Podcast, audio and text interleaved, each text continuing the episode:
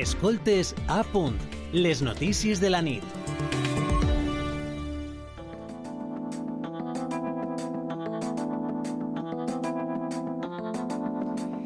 Demà dijous és el dia de la conscienciació contra el malbaratament alimentari. I és que només a Espanya es calcula que es llancen al FEM 8 milions de tones d'aliments. Això significa 250 quilos de menjar cada segon. Aquestes xifres han provocat que el govern espanyol presenti un projecte de llei per a previndre les pèrdues i el malbaratament alimentari. A València tenim una organització que lluita contra la malnutrició i el malbaratament alimentari a les ciutats. És el CEMAS, el Centre Mundial de València per a l'Alimentació Urbana Sostenible. Per a parlar d'este problema, esta nit tenim a l'altra banda del fil telefònic Vicente Domingo, que és director del, CEM, del CEMAS, i li donem la bona nit. Hola. Hola, bona nit. Bona nit. Eh, quines iniciatives hi ha per fer front a este malbaratament alimentari que és una realitat? Són diverses. El que ha demostrat el malbaratament és que s'ha convertit en un espai de convergència de distintes àrees de coneixement. Eh, iniciatives des de xicotetes a les escoles, als pobles, als barris, fins a projectes o plans com el Pla Bon Profit de la, de, de la Conselleria d'Agricultura de la Generalitat, passant per iniciatives, eh, diguem-ne, d'aplicacions eh, tecnològiques que pots aprofitar eh, una, un, una quantitat de, de, de fruita o de car o de peix que li queden poques hores per a que no siga tan, no tinga totes tot, tot les seues propietats.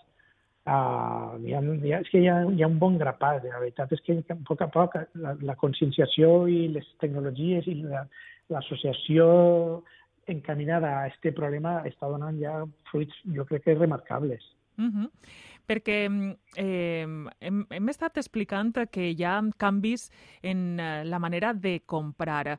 I, i l'altre dia també en la redacció es plantejava la qüestió de que Actualment, amb la crisi d'inflació i els preus eh, cada vegada més elevats de, dels productes de la cistella de la compra, s'està anant a comprar cada vegada com més al dia, en comptes de fer grans compres. Amb aquesta crisi, eh, creu que estem vivint encara...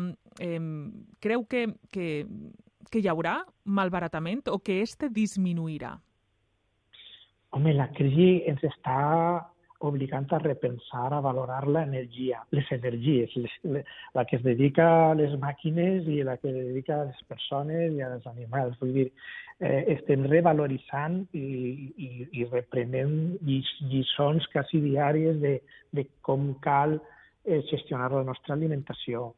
Eh, de repent, un ciutadà normal s'afronta, eh, veu en una disjuntiva quasi diària de això cada dia és més car, eh, m'obliga a reprendre com compre, quan compre i, i quins són els meus eh, mm, hàbits, no? quins són els meus hàbits. Eh, clar que sí, la, la, la crisi, com qualsevol crisi de valors com la que estem vivint, ens obligarà a repensar i a, i a prendre mesures perquè n'hi ha famílies que realment ja tenen un, carències eh, nutricionals eh, cridaneres, no? I cal fer coses al voltant d'això el més aviat possible. Mm -hmm. I les botigues, eh, els supermercats, les grans superfícies d'alimentació, creu que també eh, faran un, uh, un pensament al voltant d'aquest malbaratament de, de productes? Sí, sí, ja ja n'hi ha exemples eh, a destacar. El dijous passat vam fer una trobada, una jornada molt interessant a la, al voltant de tot, eh, tot este gran problema, eh, amb opinions des de FAO, des de la Comissió Europea, des de la universitat, però el que tocava a, al, al sector vinculat als supermercats, més grans i més xicotets, ja s'estan fent iniciatives com, com ara, per exemple, quan queda una hora i mitja o dues hores abans de tancar, se rebaixen els preus d'alguns productes per tal de que no, no se facin malbé. És a dir, que, que a poc a poc cadascun va agafant la seva part de protagonisme en aquesta, en aquesta problemàtica i jo crec que, que estan passant coses, i més que han de passar perquè la investigació, les universitats, des dels matemàtics fins a els economistes, eh, tot el món està prenent nota de que no poden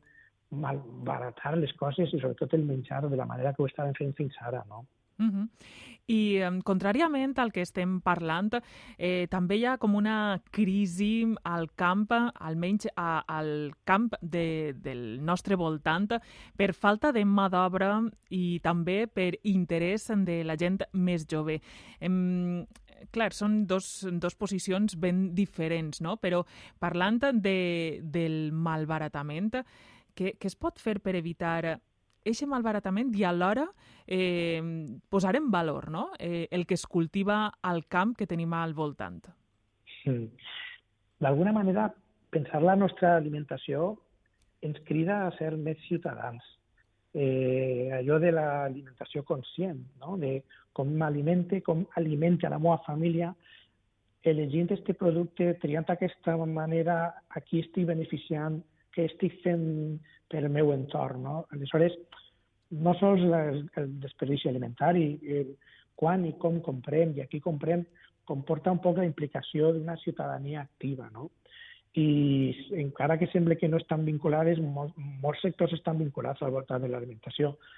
Hi ha una crisi evident de relleu generacional, perquè al voltant de, els nostres pobles, no? tenim una, una producció agropecuària que té milers d'anys, eh, almenys l'estructura actual en molts casos té quasi mil anys i, no hauríem, i, i això demostra que ha estat sostenible, és a dir, no hauríem d'oblidar-la. Uh, la nostra posició respecte a l'alimentació ens diu moltes coses de, de, de com volem que siga el món, no? I el que tu dies abans, que, que està més relacionat amb el que sembla en el sentit de que cal valoritzar, cal repensar els nostres hàbits, no? I de, tal, de la mateixa manera que no cal comprar caixes de productes que 3x4 o ara 6x2 o el que siga, grans caixes, eh, també cal pensar d'això, aquí comprem, com comprem, en un altre punt de vista també molt en la sostenibilitat, en quin mes de l'any estem? Doncs si estem en febrer mengem així, si estem en agost mengem allò. Mm, aquesta temporalitat eh, del menjar tan bonica que ens diu en quin mes estem genera pertenença, genera cert orgull i una cultura d'estima del menjar, no? O, pues de la mateixa manera, si pensem també que si comprem aquests llauradors o si al nostre voltant hi ha una cooperativa de dones que estan tractant de fer un producte més assequible, doncs, com pots veure, és tota una estructura que implica la ciutadania i, i ser un poc més actiu en aquestes, aquestes polítiques, no? Mm -hmm. Doncs Vicente Domingo, director del CEMAS, del Centre Mundial de València per a l'Alimentació Urbana Sostenible, moltíssimes gràcies per haver aprofundit amb nosaltres al voltant del malbaratament alimentari, com fer-hi front i doncs que vagi molt bé. Gràcies. Moltíssimes gràcies a vosaltres. A més, els mitjans, els mitjans, sobretot els públics, teniu una tasca fonamental en aquesta creació d'una ciutadania activa, no? Eh, com això, parlar del malbaratament, de, de, de canvi climàtic, de, de, de nutrició... Tot això comporta a poc a poc el que estava dient abans, no? una espècie d'espai d'acció per, a, per, a, per a viure millor, finalment, no? que és del que es tracta. Doncs esperem que entre uns i altres ho aconseguim. Moltes gràcies i bona nit. Gràcies, gràcies a vosaltres. Escoltes a punt, les notícies de la nit.